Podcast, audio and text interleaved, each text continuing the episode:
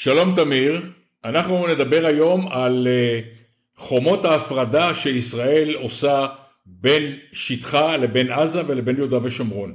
בערוץ 12 החלה אתמול סדרת כתבות מצוינת של גלעד שלמור שבילה שבועיים עם שב"חים שעוברים את המאות פרצות בגדר בינינו לבין יהודה ושומרון. בשביל מה בנו גדר בהשקעה עצומה גדר שאורכה למעלה מ-700 קילומטר, שיש בה מאות פרצות. כל יום עוברים שם אה, שוהים בלתי חוקיים לישראל באוטוסטרדה. החלק המרגיז בכתבה הראשונה הייתה שמפעילים שם גם סיורים של חיילים שרודפים אחרי חלק מהשוהים הבלתי חוקיים, מתעמתים איתם ולא יוצא מזה שום דבר. זאת בושה וחרפה. אם יש פרצות בגדר, תוריד את הגדר. אם יש גדר, תאטום אותה.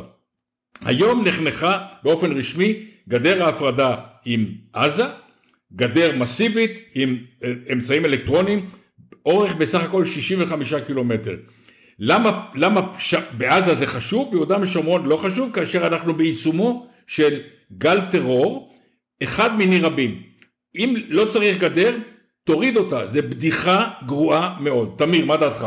בדיחה אני מסכים, לגדר קונוטציות שונות. אם אנחנו מדברים על הגדר בעזה, יש קונצנזוס אה, לאומי שעוטף עזה הוא גבול שאסור שיחדרו שם אה, מחבלים או מסתננים. את הנושא הזה הבינו כשהקימו את הגדר לאורך מצרים וגם בהקמת הגדר סביב עזה הגדילו לעשות וחפרו לעומק עצום במעבה אדמה. הגדר הזאת היא גדר שיש לה חומת בטון של כמה עשרות מטרים לתוך האדמה ועוד שישה מטרים על האדמה. אה, גדר שמצורפים אליה סנסורים כל מיני סוגים שאמורים לעצור כל הסתננות שהיא. אה, היום באמת כמו שאמרת אה, סגרו את המטר האחרון ובכך לא יאפשרו מעבר מהרצועה, לפחות לא דרך הפרצות שהיו עד כה, אם אתה זוכר. היו כמה חדירות לאזור כרם שלום, שזו הייתה החוליה האחרונה שסגרו את הגדר.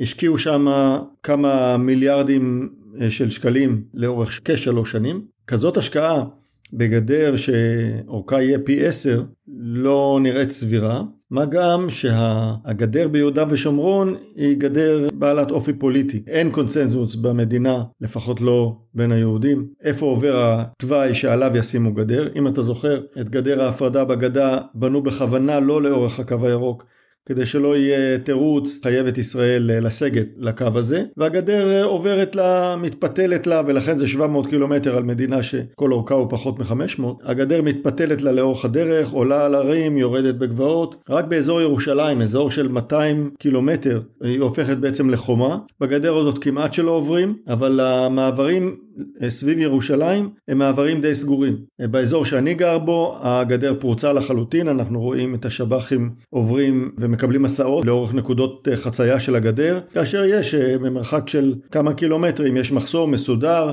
אז אה, הגדר שלא סביב ירושלים היא די פרוצה, גדר שאפשר להגיד כמעט לא קיימת לצורך אבטחה, יש לאורכה את האמצעים שיש על הגדרות, יש לוחמים, משמר הגבול, שמפקחים על הגדר הזאת, אבל uh, כהרתעה הגדר הזאת כמעט שלא פעילה. מצד שני אנחנו מכירים גדר מאוד מאוד מרתיעה שלאורך סוריה, ששם כמעט שאין חדירות. כך שאם מדינת ישראל רוצה לאטום, היא יודעת לאטום. אם זה בכסף, כמו בעזה, או בגדר שמכוסה באש, ואף אחד לא מעז לעבור שם. כך שאנחנו צריכים לבחור האם אנחנו רוצים גדר פתוחה עם אגדה, או רמת ביטחון גבוהה יותר, שתמנע מרוב האנשים הלא חוקיים שעוברים היום, ותשאיר אותם בצד הפלסטיני. כן, אתה תיארת את זה נכון. אם רוצים גדר, תעשה גדר שהיא בלתי עבירה. או שקשה לעבור אותה, אבל אי אפשר לקחת גדר שיש בה מאות פרצות, שאף אחד לא מתקן אותן, יושקע בה סכום עצום בזמנו,